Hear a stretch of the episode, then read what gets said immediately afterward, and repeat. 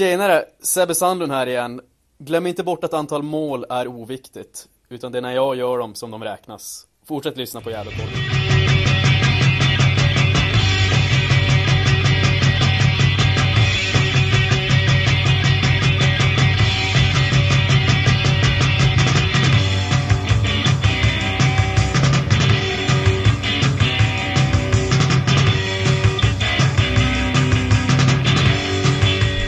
Hallå allihopa och hjärtligt välkomna till Gävlepodden nummer 158.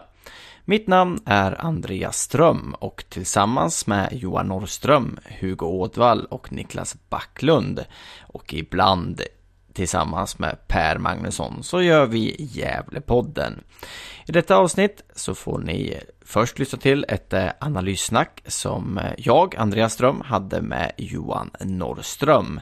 Där vi pratar igenom intervjun i GD med Malin Rogström och eh, vad vi tycker om rekryteringen av ny sportchef och turerna kring detta.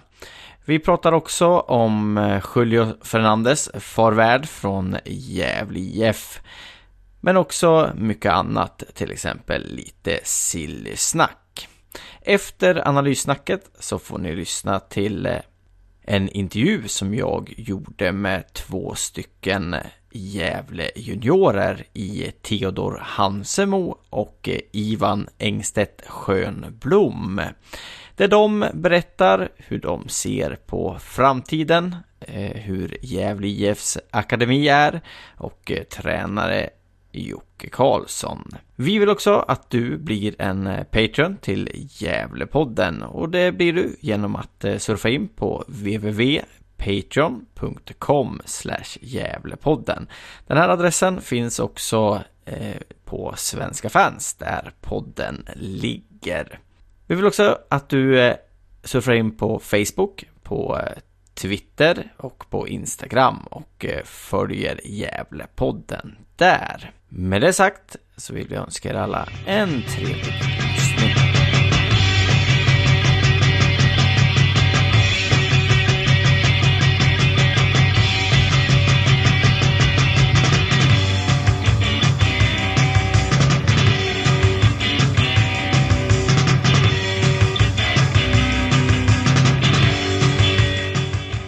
Ja, hjärtligt välkommen till Gävlepodden eh, nummer 158.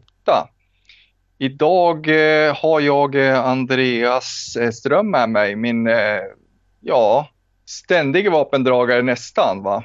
Hur är det? Är det bra? Ja, det är bra. Det är inte många poddar jag inte har varit med i sedan vi, vi tog över. Så att, eh, det är väl sant. Jag är två jag inte varit med i tror jag. Är det så jäkligt? Ja, ja den ni har fått uh, skött er, er själva. Uh, och det har ja, blivit de bästa poddarna när jag inte är med. Att, uh... Ja, jag vet inte hur vi ska ta det riktigt eller? Nej, jag vet inte. Kanske vi, mm. vi är nedsatt till, till, till att bara mixa poddarna sen. ja, vi får ta en diskussion om det där. Precis, precis. E efter livepodden. Efter livepodden ja. Ska vi börja prata om livepodden då? Så kan vi köra igenom vad vi ska prata om efter sen. Ska vi göra så? Ja, men vi börjar med livepodden. Eh, vi har ju, vi har ju suttit här nu ett par dagar och, börjat planera lite för den. Eh, skulle du kunna dra lite på, dra lite kring vad som händer helt enkelt? Ja, vi har ju väntat. Framöver här. Ja, vi har ju väntat på ett svar då från, eh, från Järnvägskrogen i Gävle. Om vi kan köra våran livepodd där då den 14 12. Så att alla Gävle fantaster och ni som gillar Gävlepodden och befinner sig i Gävle lördagen den 14.12 borde ju komma till Järnvägskrogen. Där vi kommer att köra, ja, från, eh, som det är sagt nu, från klockan 17 och så eh, framåt då, så länge vi, vi orkar helt enkelt. Eh, och där kommer vi att bjuda in lite gäster Eh, ifrån Gävle IF och eh, publiken kommer också kunna ställa frågor till, till våra gäster och till oss och ja, vara med lite i, i diskussionen.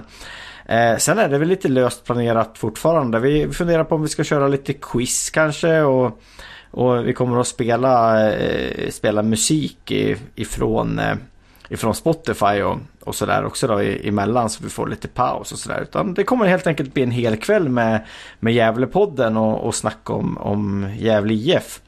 Eh, jag tror att vi har fixat en ljudtekniker nu också eh, till 99 procent. Så att eh, det börjar falla lite på plats.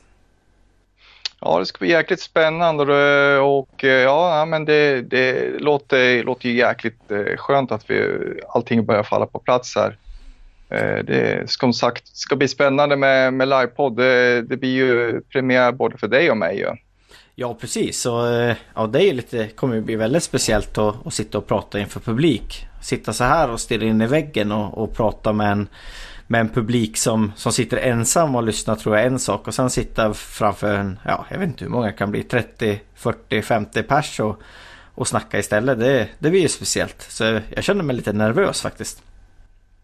Ja, jo, precis. Man vill ju inte bli utbuad heller. Det, det är väl eh, förmodligen ganska många från eh, som kommer att eh, sitta på plats. Att, eh, och de är ju kräsen, det vet man ju. Ja, när det gäller poddare så är han kräsen. När det gäller hur, hur Gävle spelar fotboll, där verkar de vara lite mer okräsen. Så vi, vi får väl se om vi, vi kanske blir utbuad helt enkelt. Ja, ja, ja. ja Backlund ska vara med också. Han är ju han är en del av Carrick-läktaren så han får väl ta över då om, det, om de buar ut oss helt enkelt. Det kan ju hända att de är lite snällare då också av den anledningen. Precis, vi får ju hoppas. Eh, ja, men det är väl den informationen vi har nu. Så 14.12 livepodd på, eh, på Järnvägskrogen i Gävle. Eh, så vi kommer väl eh, framöver i poddarna här och och outa det här lite mer och, och, lite mer fakta vilka som kommer när det faller på plats och, och eh, lite så. Men eh, ja, mycket snack om, om Gävle IF och eh, säsongen som var och eh, att vi blickar framåt mot nästa säsong. Det, det, kommer det att bli, det kan vi utlova redan nu. Ja, precis. Ja, ja, eh, ja ska vi gå vidare då? Eh, vet du, och ta det som som eh, det har varit lite skriverier om nu helt enkelt. Och eh, det som skrevs i tidningen igår tror jag och eh, det var en intervju med, med Malin Rågström igen då. Och det som eh, senare kallades eh, av Stisse på Twitter för omstart på omstarten i väntan på omstarten. De, de har ju haft lite problem tydligen att eh, få ut den här annonsen om vet du, det här jobbet då, eh, det, sport, det ska bli en sportslig ansvarig, en, en slash sportchef.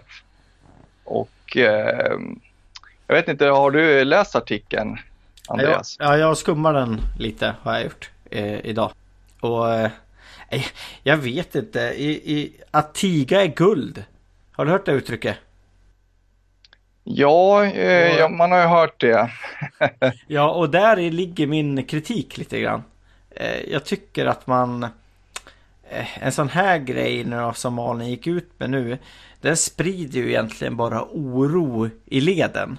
Jag menar, man säger ju egentligen ingenting i den här, eh, i den här eh, intervjun mer än att det är en massa krångel liksom. Eh, och det kan jag känna att det kanske man eh, Det kanske man kan vara tyst om istället. Och låtsas som att det regnar. Liksom. Eller säga att man inte har hittat rätt person eller sådär. Jag tycker att man Eh, Man sprider onödig eh, oro i eh, supporterleden. Så mycket kan jag väl säga. Mm. Ja, men som jag fattade det så att, vet du, hade man ju eh, i onsdags ett eh, styrelsemöte där man eh, där man kom överens om hur den här tjänsten ska se ut. Och eh, det är ju så att det blir inte sportchef som bara ska ansvara för härlaget utan eh, den här personen då som har rekryterat ska även eh, ansvara för damlaget och akademin och breddverksamheten. Mm. Eh, och eh, jag tänker att eh, det känns lite spretigt på något vis och jag menar eh, anledningen till att David Hussein eh, valde att kliva av som klubbdirektör det var ju på grund av hög arbetsbelastning. Och eh, jag vet inte, jag blir, eh, jag blir lite fundersam och eh, håller liksom klubben på att göra samma misstag igen. För det, det låter som att eh, eh sportchefen, då, den här nya, den, den kommer att det kommer att bli ett liksom brett arbete, ganska mycket att göra. Jag vet inte, hur tänker du kring det? Det känns ju som att man, man inriktar personen eller tjänsten mer till, till det sportsliga. Eh, och så ska marknadsavdelningen ta hand om, om marknad liksom. Eh, David kändes väl mer som att han var på marknadssidan. Eh, och att då eh, Mackan fick det sportsliga ansvaret mer. Eh, och det var ju lite som, som, som Sebbe uttryckte sig att eh, eh, om de hade 80 provspelare på, på Gavlevallen innan förra säsongen och eh, Mackan skulle liksom kolla in alla dem och ha den uppgiften själv liksom. Um, ja, jag vet inte. För det känns ju att, att de här arbetsuppgifterna som, som eh, den här personen får nu, det är egentligen eh, delar ifrån både, både Mackan och David liksom. Som de har haft. Så ja, jag tycker det är svårt och jag känner att jag kanske inte har riktigt tillräcklig insyn heller för att egentligen uttala mig om hur många arbetsuppgifter som, som David hade. Liksom. Eh, den nej, nej. är väl att han kanske hade för många liksom. och inte klara av det. Och, och, det känns ju också som att Mackan har, har haft för många arbetsuppgifter vilket kanske har har speglat sig på, på vissa grejer liksom. Också att han inte har hunnit med vissa saker. Um, så att alltså kommer in en tränare i det här och det kommer in uh, ja att, att uh, Sebastian sätter Gren heter han va?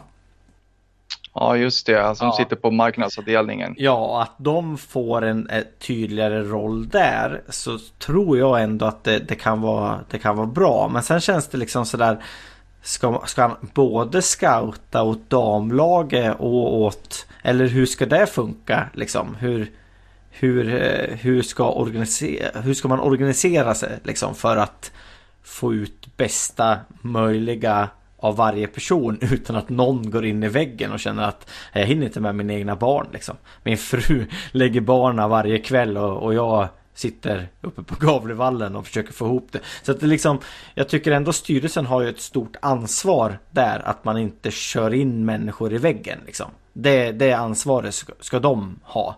Ehm, och jag kan väl också hålla med om att det känns ju lite på, på gränsen liksom. När det kommer till arbetsuppgifter. Mm. Ja, nej, och det var ju det var en sak till också som Malin eh, sa i intervjun som jag reagerade på och det var ju att eh, härlagets tränare kommer ju ha en egen budget att utgå ifrån och att de kommer få ganska fria händer att bygga laget efter den budgeten. Och då, eh, då, då tänker jag också sådär, ja men sportchefen då, eh, vad, vad ska han ha för uppgift då eh, kring härlaget då? Ja, det. Då känns det lite som att, att det blir en klubbchef ändå. Fast kanske med ja. mer sportslig kompetens då än vad, vad David hade liksom. Och det, det känns ju också som att då, då, blir det ju liksom Det är klart att en sportchef ska bygga laget tillsammans med A-lagstränaren. Eh, och komma överens om hur man ska spela hur man tänker. Vilken, vilken liksom profil man vill ha på sina, sina förvärv när det gäller spelartruppen. Men det känns ju väldigt konstigt om, om A-lagstränaren ska få en budget och bestämma allting. För då känns det ju väldigt konstigt med, med sportchefsrollen. Utan då blir det ju en mer sportslig ansvarig. Så att jag tycker att arbetsbeskrivningen är ju också ganska märklig.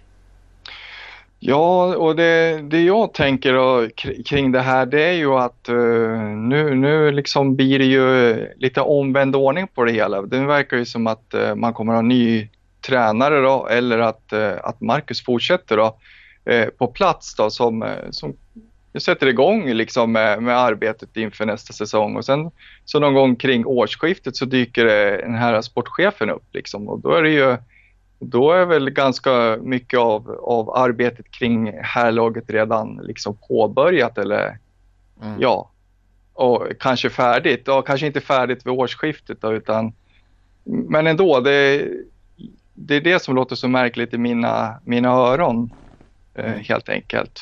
Men det där är kanske någonting vi får reda ut med Malin eh, ganska snart här, liksom hur man har tänkt. Ja, för det är ju, vi har ju en, en intervju inbokad här eh, nästa vecka. Så förhoppningsvis eh, om allting faller på plats och ingen blir sjuk och sådär så, så eh, kommer vi ha en intervju med, med, med Malin helt enkelt i, ja, i början av, av, eh, av nästa vecka. Då. Så den kommer ju vara med i, i 159 den, den intervjun då. Så då, eh, då hoppas jag att vi kan ställa de här frågorna och, och få lite, lite bättre svar. För det, det känns lite som man lägger ut dimridåer just nu. Jag vet inte. Jag blir sådär... Eh, ja, det känns inte som man har helt koll på läget liksom. Om man kollar utifrån. Sen kanske de har jättekoll, jag vet inte. Men för mig blir det väldigt... Eh, det blir märkligt helt enkelt. Hur... Det blir lite rörigt. Det känns lite rörigt eh, också eftersom som eh, Malin sa till mig när jag, när jag pratade med henne efter Sollentuna-matchen då på segerbanketten där att, eh, att eh, man skulle börja eh, rekryteringen av en, eh, av en sportchef då bara liksom dagarna efter matchen där, Sollentuna-matchen. Och då när det var klart att man skulle bli, bli kvar i ettan. Och sen nu är vi, vad är det, 20-21 dagar efter, ja, det har gått 20-21 dagar och eh, det rekryteringsarbetet har inte kommit igång än liksom och det ja, nej men det känns lite märkligt och lite snurrigt eh, egentligen. Mm. Och det var väl det lite Stisse var inne på också i sin tweet där, liksom att det, ja, det, det är lite snurrigt i, i, i Gävle igen nu på något vis. Ja, det var det uttryck jag sa att, att tiga är guld. För att då tycker jag att är det förvirrat och man inte har riktigt koll och, och sådär då kanske man inte ska göra en intervju och säga så mycket så. Liksom. Utan då kanske man hellre liksom säger att nej men vi har inget nytt att säga, säga just nu. Vi, vi letar och, och, vi återkommer när vi, när vi har någonting. Liksom. Eh, nu kände jag bara att det blev väldigt förvirrat med den här intervjun. Liksom. Ja. Eh, hur ser du på det här med att man eh, väljer att rekrytera via ett bemanningsföretag då? Det tycker jag också känns väldigt eh, märkligt. Hade man, hade man eftersökt en marknadsansvarig, alltså en person som är, är bra på siffror och på försäljning och sådana grejer. Då hade jag inte sagt någonting om det. men nu känns det som att man vill ha någon, någon sån där 50-50 igen. För att jag menar en, en sportchef, alltså en sportchefsrollen, den, den den rollen känns det som att den, den söker man på annat sätt genom att man har kontakter och man får vitsord av, av personer att man man ringer och, till någon och säger att hej vi är intresserade av att anställa dig. Som, skulle du kunna komma upp till Gävle på en anställningsintervju eller liksom. Och sen om klockor är med då och, och styr upp liksom att man har man har en, en rekryterarperson som sitter och frågar vilken favoritfärg personen har. Nej men skämt åsido, liksom, det, det säger ingenting om. Men jag tycker att det är märkligt att man så jäkla många bra sportchefer finns det väl inte i, Sverige som är lediga så att man behöver ta in en, en rekryteringsfirma i det. Utan då ringer man väl de kontakter man har och, och får tips om, om bra personer och, och så. Lite som när man, när man värvar en tränare liksom. Ja, och det är ju, apropå tränare så, så är det, det är ju någonting som eh, både Malin vet jag och David och, och eh, Andreas Dahlén har lyft fram när man har, man har bara pratat gott om, eh, om eh, Marcus Bengtsson. Det är just hans eh, liksom, fina kontakter i, ute i fotbollssverige och sådär. Jag menar, det, väl, det, skulle vara perfekt att liksom gå igenom Marcus då nu när man letar en, eh, en sportchef kan man ju tycka då. Om man nu har så bra kontakter så eller ring Poya Asbaghi där nere i Göteborg liksom, som, som jag tror har liksom, brett kontaktnät eh, inom, inom fotboll-Sverige. Liksom. Det, är väl, det är väl de kanalerna man ska, ska nyttja nu, liksom, inte, inte använda sig av clockwork. Eh, jag tycker att det, det låter lite konstigt på mm. något vis. Ja, Ja men sen har vi ju liksom om vi ska gå vidare och, och prata om tränarfrågan så, så är det lite märkligt också för att det, det, det är liksom olika bud hela tiden och det, det, det är väl kanske så det ska vara men jag menar har man, har man nu bestämt sig att man, att, att man inte ska ha Marcus liksom Då, då tycker jag att det är märkligt också att, att eh, Marcus sitter, sitter ihop med, med, med Daller och, och bestämmer vilka som ska vara kvar och vilka som inte ska vara, vara kvar liksom. Redan nu utan att man har en tränare klar och vem som ska vara tränare och, och ingen sportchef heller. Eh, nej, jag tycker att hela alltihopa är, är lite märkligt liksom. Mm, nej, jag håller verkligen. För, för skulle det vara så att de inte vill ha Mackan kvar då tycker jag att då skulle det vara klart redan nu. Och så skulle man ju gå ut med det att vi kommer att söka en ny tränare.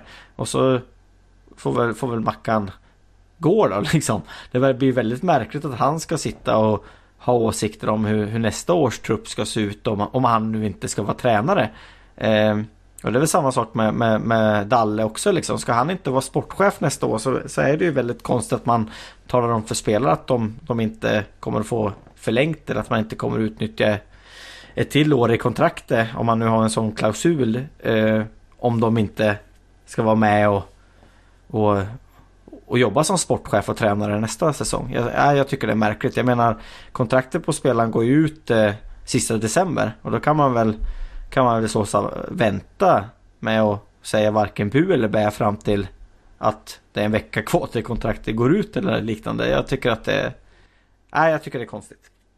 Ja, nej, man hade ju kunnat vänta till nästa vecka i alla fall för eh, då eh, enligt Malin ska man ju presentera eh, ny tränare eller i alla fall den tränare som ska träna Gävle nästa säsong då så att eh, hon vill ju att det skulle vara klart då så att ja. någonstans måste man ju ligga ganska långt fram i, i, i den processen ändå tycker man. Mm. Mm. Ja, så är det ju. Eh... Sen tycker jag det är konstigt också att man anställer tränare först. Och att man anställer en, en sportchef då senare. Men det kanske är så att man har ändrat så att det inte är en sportchef helt enkelt. De anställer. Utan att, att eh, mycket av det där rekrytering av spelare och, och bestämma det kommer att ligga på, på tränaren då istället. Eh, och det tycker väl jag också är, är lite märkligt liksom.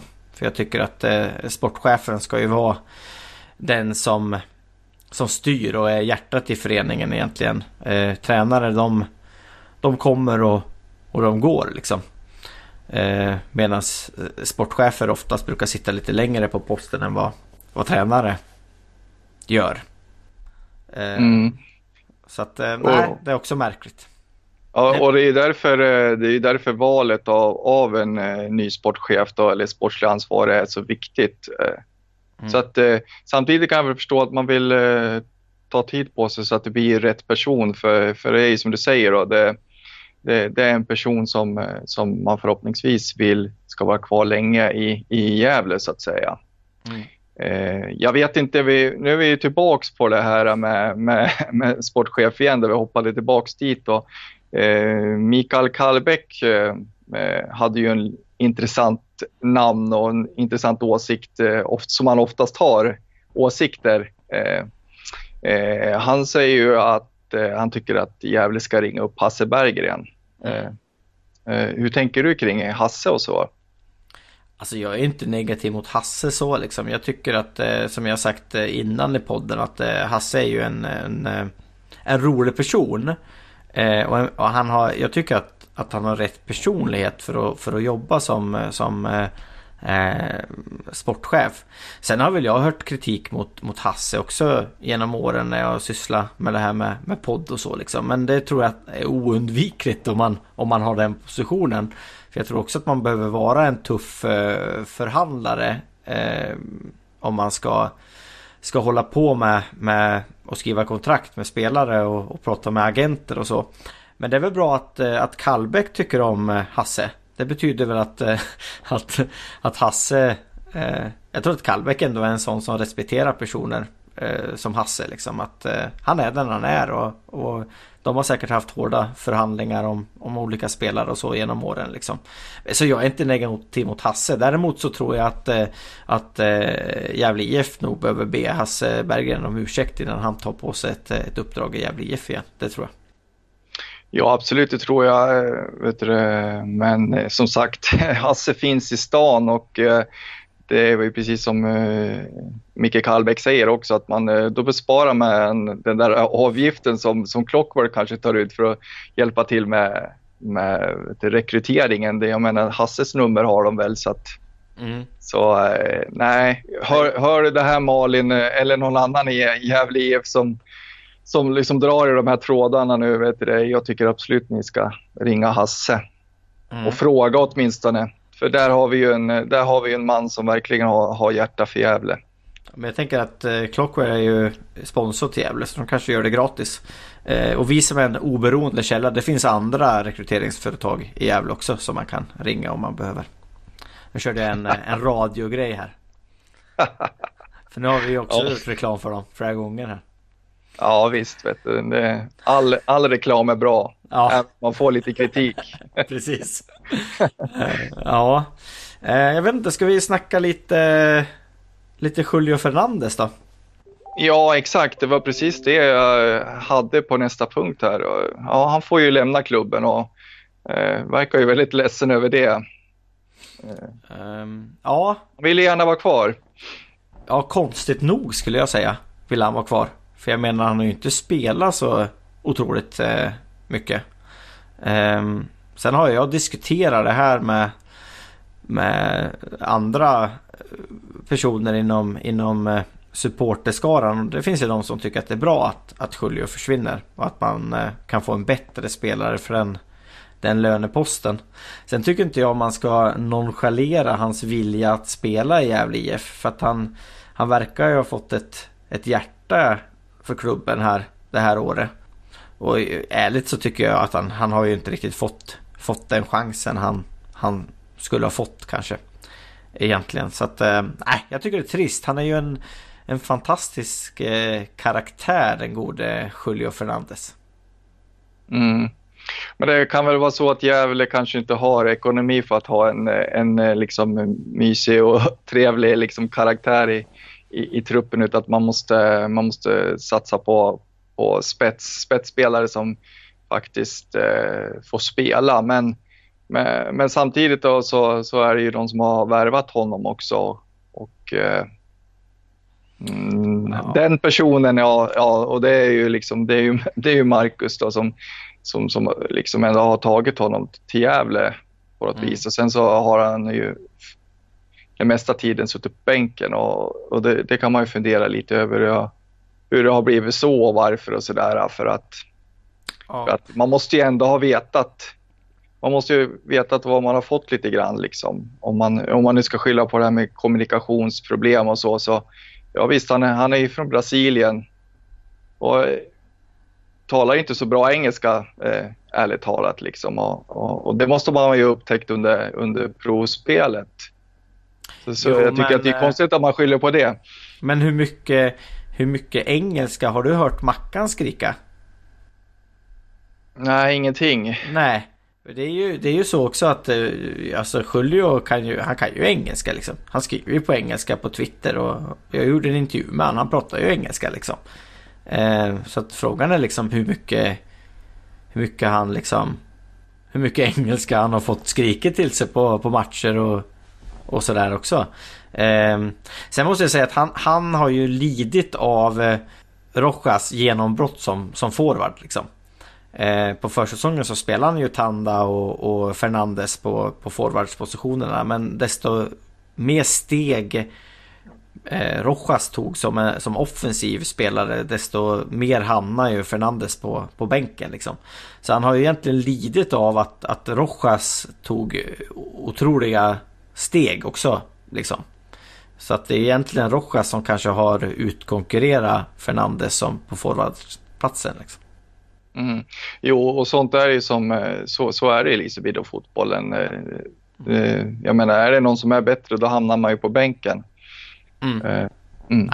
Jag är väl mer sådär att man, man så statiskt har spelat med, med Tanda liksom. Jag är väl mer kritisk till, till det egentligen. Att man inte har provat Rojas och Fernandes ihop till exempel. För då hade du ju fått ett väldigt, eh, en väldigt mobil forward istället där framme som, som Rojas hade kunnat, kunnat slagit passningar på. Och du hade fått ett, ett snabbare anfallsspel. För jag tycker ändå att vi har lidit ibland med, med Tanda, att han går ner och att det stoppar upp kontringar och sådär. Lite som Zlatan var i landslaget. Man kan vara en väldigt bra spelare men, men man behöver inte vara bra i alla moment om man, om man säger så. Och det, det tycker jag att de har lidit ibland när, när Tanda har fått bollen i, i ja, lite längre ner i banan om man säger så. Att man har eh, när han är felvänd att det tar lite för, för lång tid. Liksom. Och det, det tycker jag att det, det, hade man kunnat prova när, när Tanda missade så mycket lägen som han gjorde också. Och satt han på bänken och match och, och prova ett annat anfallspar helt enkelt. Men det har vi också mm. pratat om innan. Ja, jo precis. Ja, uh, om, vi, om vi fortsätter med Tandar och, vet du, och uh, lite silly snack sådär. Vad, vad, vad, tror vi om Tanda? Ja, uh, är han förlorad? Ja, jag har ju fått, eh, fått det till mig att han skulle vara förlorad. Men eh, å andra sidan så som jag fattade så ska han ju ha ett, eh, ett rakt treårskontrakt. Nu är vi där igen och stampar på det här som jag pratade om. Eh, att, att eh, kontrakten, kontraktslängd inte är, är öppen. Vilket gör att vårat jobb blir mycket, mycket svårare liksom. Eh, men när man tänker Hugos intervju i somras och de intentioner jag har fått på Tanda så, så, så, så, vill ju han bort liksom. Men jag har ju inte pratat med Tanda själv liksom och fråga så egentligen så vet jag ju inte men, men som jag fattar det så, så, så vill ju han, han själv bort. Han hade, hade väl skrivit bostadsort eh, Stockholm också var på, var det på Instagram eller något sånt där. Alltså att, eh, så det satte ju också igång eh, spekulationerna lite grann att han, att han kanske vill hemåt Stockholm. Och, och det finns ju många klubbar, division 1-klubbar i, i Stockholm som kanske mm. som kan vara intressant för Tanda.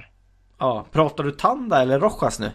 Eh, jag tror att, eh, att det gäller även Tanda, att han hade skrivit bostadsort eh, Stockholm faktiskt. Ah, Okej, okay, för jag tänkte hem för Tanda, det är i Östersund egentligen. Ja, just det. Men ja. klart, vem, vem fan vill bo i Östersund liksom? Det. Nej, det var ju... De, eh, det är Östersunds fel att vi inte är i Allsvenskan. Det är så. Exakt, ja. exakt. Just därför jag säger det. ja, eh, nej jag, jag, tror att både Tanda och Rojas är, är eh, är eh, borta. Tyvärr. Den enda jag, jag faktiskt hoppas på av de här eh, de, om man säger utländska spelarna. Eh, nu är inte Rojas och Tanda utländska men eh, ja.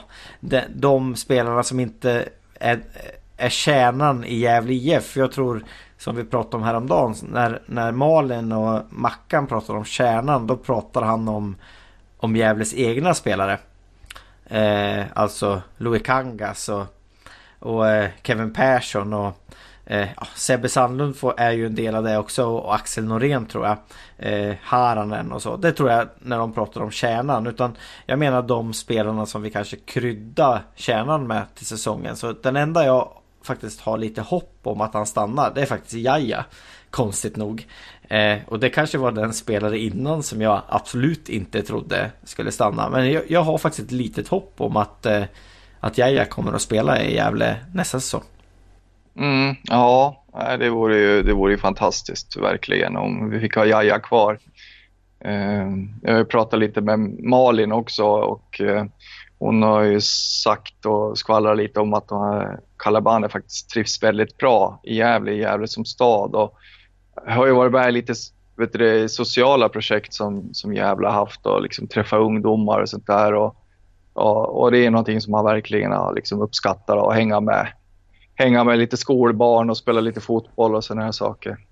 Ja, och det pratade vi om då också. Det, det var ju det eh, vi pratade om då att, att jag, tyckte om det. Och att, att det, det är viktigt för barnen men det kan också vara viktigt för, för spelarna i, i social trivsel och, och och göra sådana såna projekt liksom. Mm, helt klart. Ja, så det, jag sätter mitt hopp där. Eh, de spelare jag har liksom förstått eh, är borta. Det är ju, är, det är ju Jake. Eh, och så är det, är det eh, Julio Fernandez då. Eh, och sen är det ju Torre Rafael också. Han, han, eh, hade han varit kvar så tror jag ju att han hade varit en av de juniorerna som hade kanske tagit steget upp i, i år.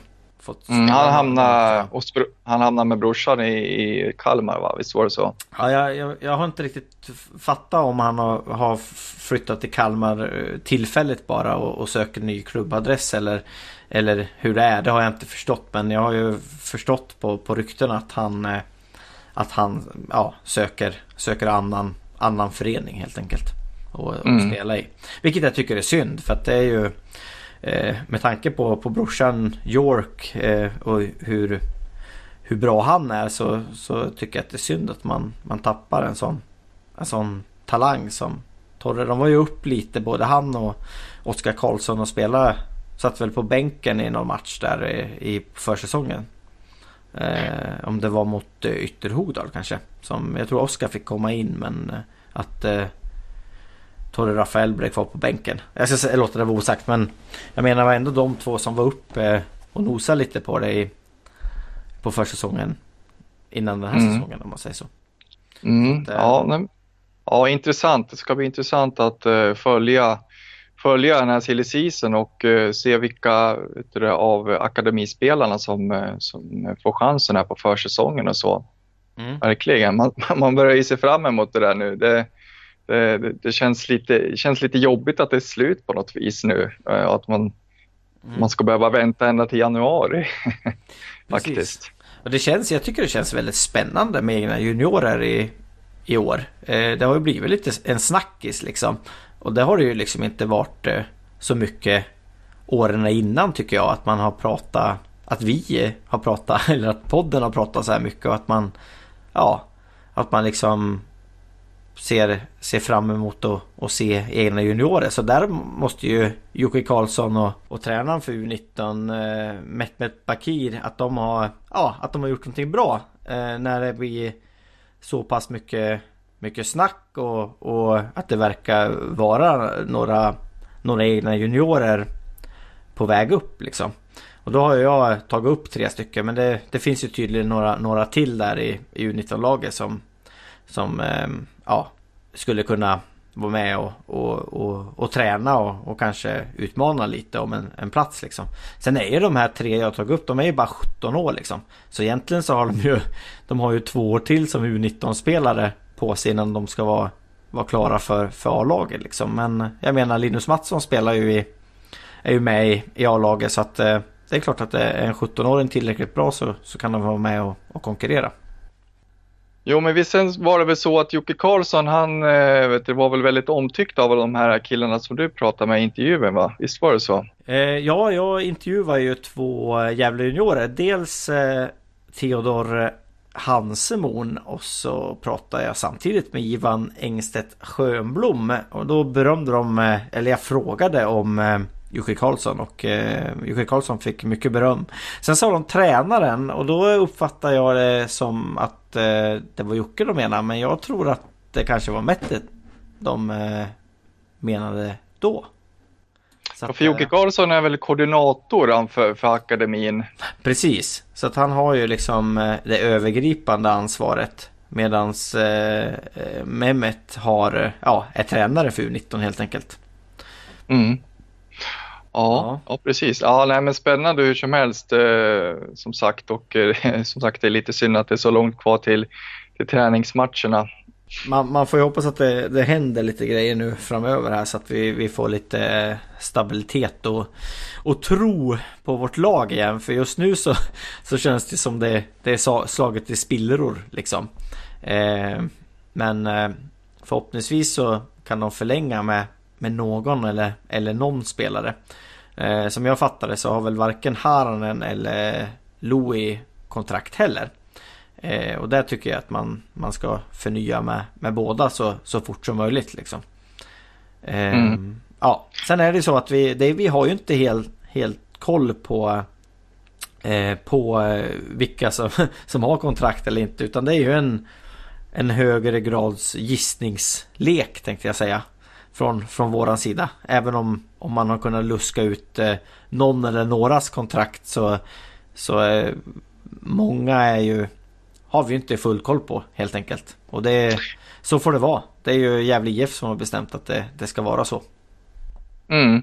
Ja, nej men eh, man, jag antar väl och utgår väl ifrån att, eh, att man prioriterar högt nu att eh, förlänga med både Haranen och eh, Louis Kangas då, eftersom som, precis som du är inne på tidigare också att eh, det är väl de här spelarna som man ser som, som kärnan i, i, i, den här, i det här laget och så. så att, eh, jag tror nog att, eh, att man sitter redan nu och, och pratar med dem. Det tror jag. Ja och sen hoppas jag ju liksom om vi ska knyta åt säcken då när man, när man ska värva nya spelare att man Man har ju pratat om att man ska vara en grupp liksom som jobbar för varann. Och jag kan väl känna att den här säsongen kanske Den är väl kanske bättre än vår senaste säsong i Superettan när det gäller sammanhållningen. Men Men jag tycker alltid att det verkar knaka i fogarna Det här året också liksom så. Um, och jag hoppas att man, man gör ett otroligt bra scoutjobb nu och att man, man uh, uh, tar in spelare på, på provspel och, och så. Göra, inte göra Nathan Sansara i, igen liksom. Uh, för jag tycker rent, rent spelmässigt som individer så tycker jag att den här truppen håller ganska hög kvalitet. Men någonstans så, så, så brister det ju i alla fall liksom. När det kommer att, få, ihop, eh, få ihop laget och, och särskilt offensivt. Mm. Ja, jag håller med till 100 procent verkligen. Så ja, nej men eh, vi har mycket att se fram emot och det, det kommer ju förhoppningsvis bli, bli mycket silly snack här i, i podden och det, det tycker jag är kul så att eh, vi, vi kör vidare. Helt klart. Vi, vi återkommer ju då nästa vecka. Då. Vi ska intervjua Malin Rågström, då, ordförande. Och så mm. förhoppningsvis så, så vet, det, vet vi nästa vecka vem som ska träna lagen nästa säsong. Så att ja, spännande verkligen. Ja, Sen kan vi väl säga det om, eh, om livepodden som avslutning då att eh, är man intresserad av att komma till, till Järnvägskrogen så får man gärna meddela oss det och hur många man kommer eh, så kan vi i alla fall ha en upps, upp, uppskattning hur många vi, vi blir där den, den 14-12. Så känner du att du vill komma och lyssna till oss och lite musik och, och snack och ja, vad vi nu hittar på. Eh, så skicka gärna ett eh, mail till eh, Gävlepodden 2.0 yahoo.com eller så kan man höra av sig på vår Facebook-sida också. Och där behöver man vara, vara medlem så att eh, ansöka om medlemskap och, och meddela att ni kommer ett gäng och hur många ni blir ungefär. Jajamän, ni är hjärtligt välkomna. Verkligen, verkligen. Vi säger så Johan. Ja, tack Andreas. Du får ha det så gott. Tack, ha det bra. Hej. Hej.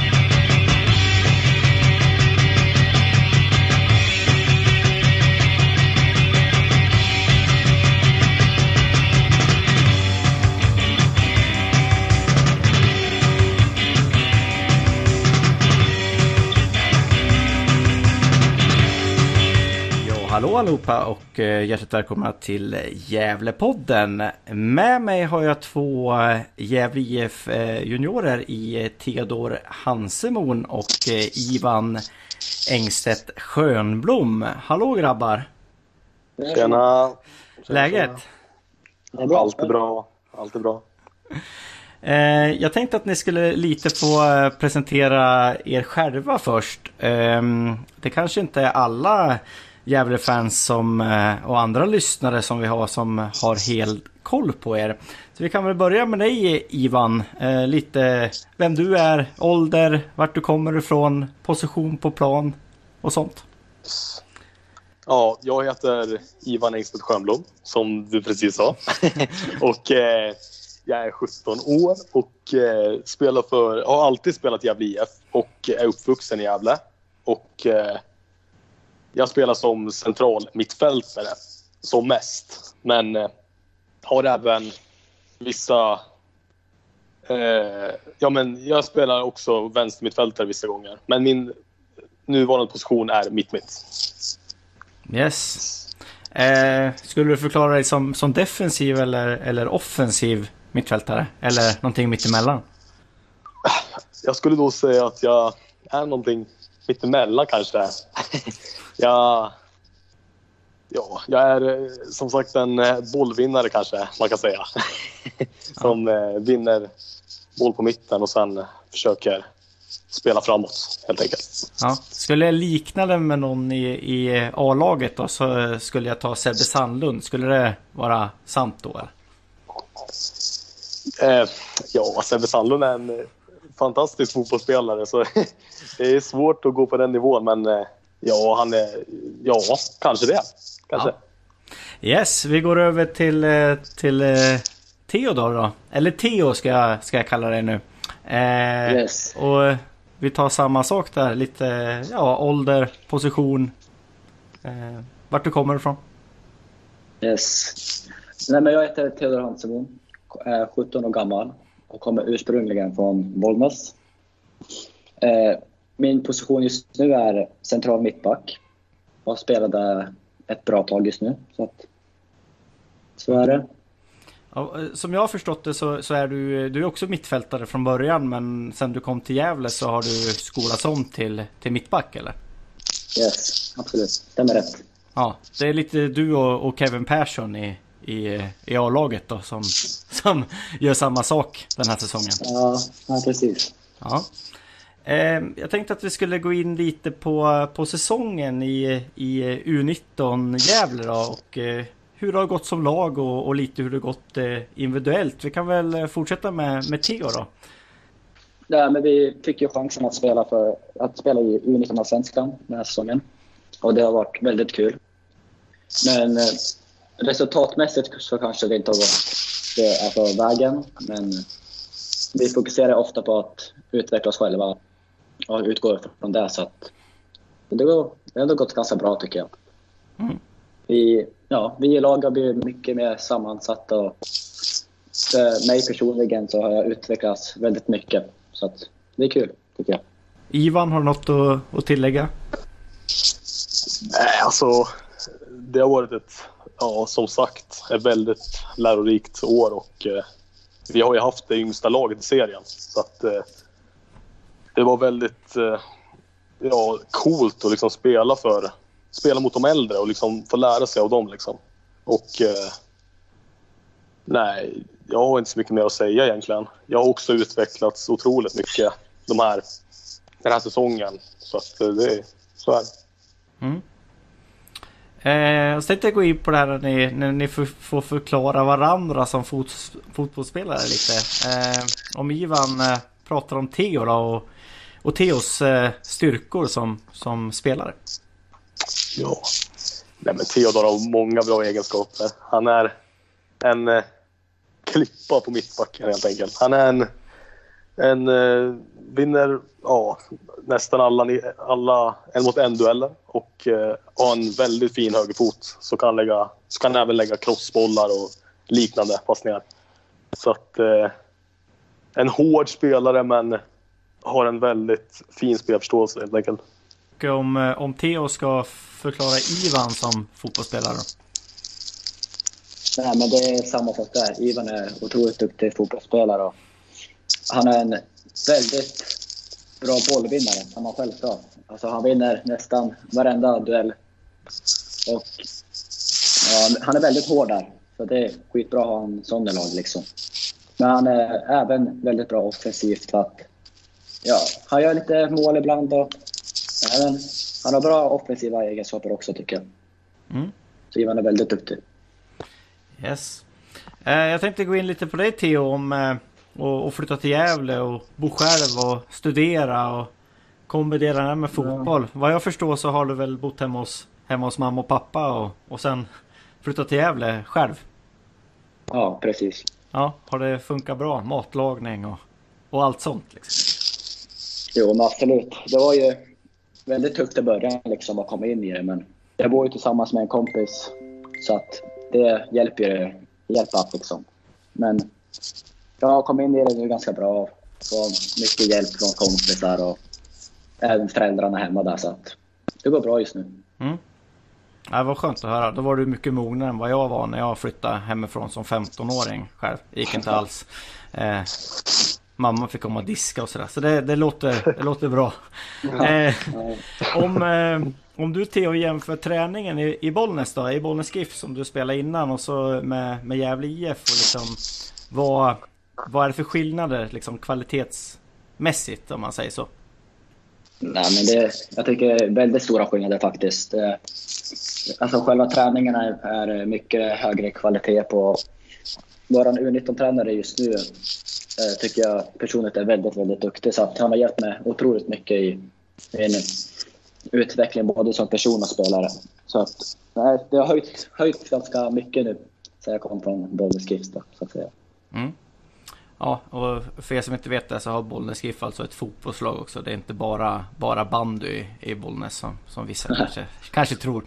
Ehm, eh, om vi går över till dig då Ivan. Du, du har ju varit i Gävle hela, hela din fotbollskarriär sen du, sen du yes. började spela liksom. Och eh, då kanske man, man ser en, en upptrappning istället om man säger så. När man går från, från åldersgrupp till, till åldersgrupp. Hur, hur ser du på, på det liksom? Jag vet inte hur jag ska svara på den här. Nej, men jag, jag formulerar om den då. Eh, ja. Om man säger Gävle är ganska känd, Gävle IF är ganska känd för sin breddverksamhet. Alltså ja. att, eh, att man, man, man vill att alla ska vara med om man säger så. Eh, och man, man slimmar ju kanske inte juniorerna så tidigt som andra lag gör. Liksom. Eh, nu vet inte jag vad jag ska säga heller nästan. Men eh, det jag kanske vill få fram är Eh, kan du känna att, att det, att det liksom elitsatsas mer nu än vad det gjorde när du var yngre? Ja, ja vi, alltså när jag var yngre så var ju såklart Gävle IF i en högre liga och var då i Allsvenskan. Mm. Och på de här ja, två, tre åren nu då, eller vad det är, så har man ju åkt ner några divisioner men det har ju gjort såklart så att man man öppnar en dörr till de unga mer och det märker ju vi. Liksom. Alltså, det är ju fler yngre som får träna idag med A-laget. Mm. Och eh, det är ju väldigt kul tycker jag. Det är jättekul. Mm. Jag går över till, eh, vi, vi pratade lite om, om Jocke Karlsson innan där. Och hur är han som tränare? Om ni skulle beskriva Jocke Karlsson liksom som, som tränare, hur, hur skulle det låta? jag, jag tycker Jocke Karlsson är en... Alltså, han är en grym, eh, grym tränare. Alltså, han, är, han, han vet precis liksom hur... Han, han vet liksom allt om fotboll. Han vet eh, i detalj liksom hur, hur man ska bli bättre. Liksom. Han har alltid liksom svar på hur man ska kunna bli bättre. Och sen är han väldigt mån med att ja, men med rörlighetsprogram och liksom innan, alltså när man håller på och tränar att eh, Ja, men eh, ja, hur ska jag förklara? Ja, ja. Ja, Theo, vad tycker du? Nej, nej, eh, nej. alltså Jocke är väldigt, en väldigt motiverad person inom fotbollen. Så att han vill alltid att liksom, Gävle spelare ska bli talanger, om man säger så. Mm. Han är väldigt motiverad för oss och vill vårt bästa hela tiden. Så att det är kul att ha honom. Mm. Hur, eh, hur ofta tränar man eh, när man är liksom eh, i U19 i, i Gävle IF? I veckan liksom? Ja, det är väl mellan fyra, fem gånger. Är det. Mm. plus matchen då. Precis. Ja. Och så spelar ni varje, varje helg då liksom? Ja, ja exakt. Under säsongen i alla fall. Så. Mm. Mm. Hur, hur mycket pratar man om det liksom? Hur, och hur mycket förbereds ni för att en dag liksom ta, ta kliv upp i, i A-laget? Theo kanske? Ja, nej men vår tränare och U19 påpekar ju ganska mycket att vi alltid måste vara fokuserade och alltid göra vårt bästa för att nå en högre nivå då, inom fotbollen. Mm. Så att man stöter på det ganska mycket hela tiden. Liksom. Så att, mm. det, mm. Um, Exakt. Ja, och sen kan jag säga vissa av de här frågorna har jag fått hjälp av, av lite fans och, och andra medlemmar av, av Gävlepodden med också. Eh, och en fråga är, eh, är det liksom klart att ni kommer att tillhöra A-truppen nästa år eller, eller är det bara att ni ska träna med A-truppen eller hur liksom eh, finns det någon dialog däremellan än? Uh, det, alltså vi har inte fått höra så mycket om det. Men uh, det är väl någonting som i så fall kommer längre fram och det gäller ju för oss att prestera såklart. Det är inget som kommer bara sådär. Eh, och eh, ja, vi får se helt enkelt. Mm. Nej, för när jag frågade lite om, om namn sådär, då kom era två namn upp och så var det ju Oskar Karlsson också då som, som var med lite på, på försäsongen förra året och, och spelade. Så han har jag faktiskt sett i, i en, en försäsongsmatch eh, innan, innan säsongen här då. Eh, ja. Ja, och, och, och, då skrev jag om ni säger nej då. Det tyckte jag att ni, ni sa nu att det inte var klart. Hur långt ifrån A-laget är ni då enligt er själva liksom? Är det, är det svårt liksom att, att säga eller, eller känner ni att äh, men jag skulle nog kunna vara upp och, och konkurrera om, om en plats liksom? Eller hur, hur ser man på det? Alltså det är ganska svårt att säga precis sådär men jag tycker mm. att alltså det är ja, med Oskar Karlsson, Ivan, jag och kanske någon till som ändå har kvaliteterna för att kunna försöka konkurrera om en plats. Liksom. Mm. Det är ändå många, kanske några månader kvar. Eller man får bara köra på och fokusera på sig själv liksom, och göra sitt bästa. Mm. Får man se vart det leder. Liksom. Och förhoppningsvis så, så tycker A-lagstränaren, vem det nu blir nästa säsong, att det är bra nog helt enkelt. Ja, precis. Ja, ja får man hoppas. Ja. Har någon av er gjort eh, någon u-landskamp eller liknande? Eh, landslagsläger och, och sådana grejer? Nej, ingenting. Nej, ingenting. Nej. Alltså, det är om regionalt läger är något som finns med. Men det är väl inget Nej. som är riktigt landslaget.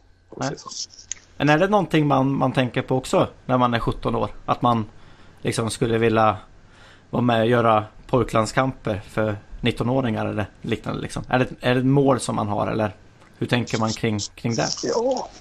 ja men absolut. Det är, det är ändå en dröm att få representera sitt land på det viset. Ja, självklart. det är ja, absolut precis. ett mål man har. Så mm, ja, exakt. Det skulle vara väldigt kul om man fick den chansen. Ja. Mm, håller helt med. Um, vi får se, det kanske blir sista frågan. Jag vet inte. Men hur, hur ser planen ut då för er? Hur ser ni er själva om, om fem år när ni är 22 år? Var, var, var är målet liksom? Nej men oh. mitt mål är väl att så snabbt som möjligt ändå kunna, kunna livnära sig på fotbollen. Och för fotboll är det jag älskar liksom. Att livnära sig på fotbollen och spela i en hög liga är mitt mål.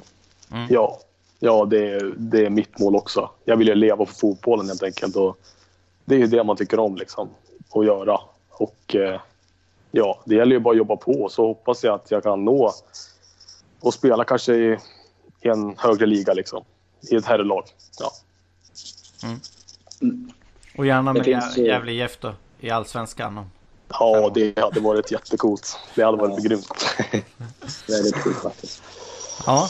Um, Ja, nej jag, jag är nöjd så. Jag tycker att, eh, att uh, det är ju otroligt roligt med, med egna juniorer i Gävle som, som man kan tro och, och hoppas på. Och vi är ju inte jättebortskämd i, i Gävle IF med det. Men eh, vi kan ju hoppas att, att Jocke Karlssons strävan bär frukt helt enkelt. Och att vi, vi får se er två år någon till i, i A-laget framöver.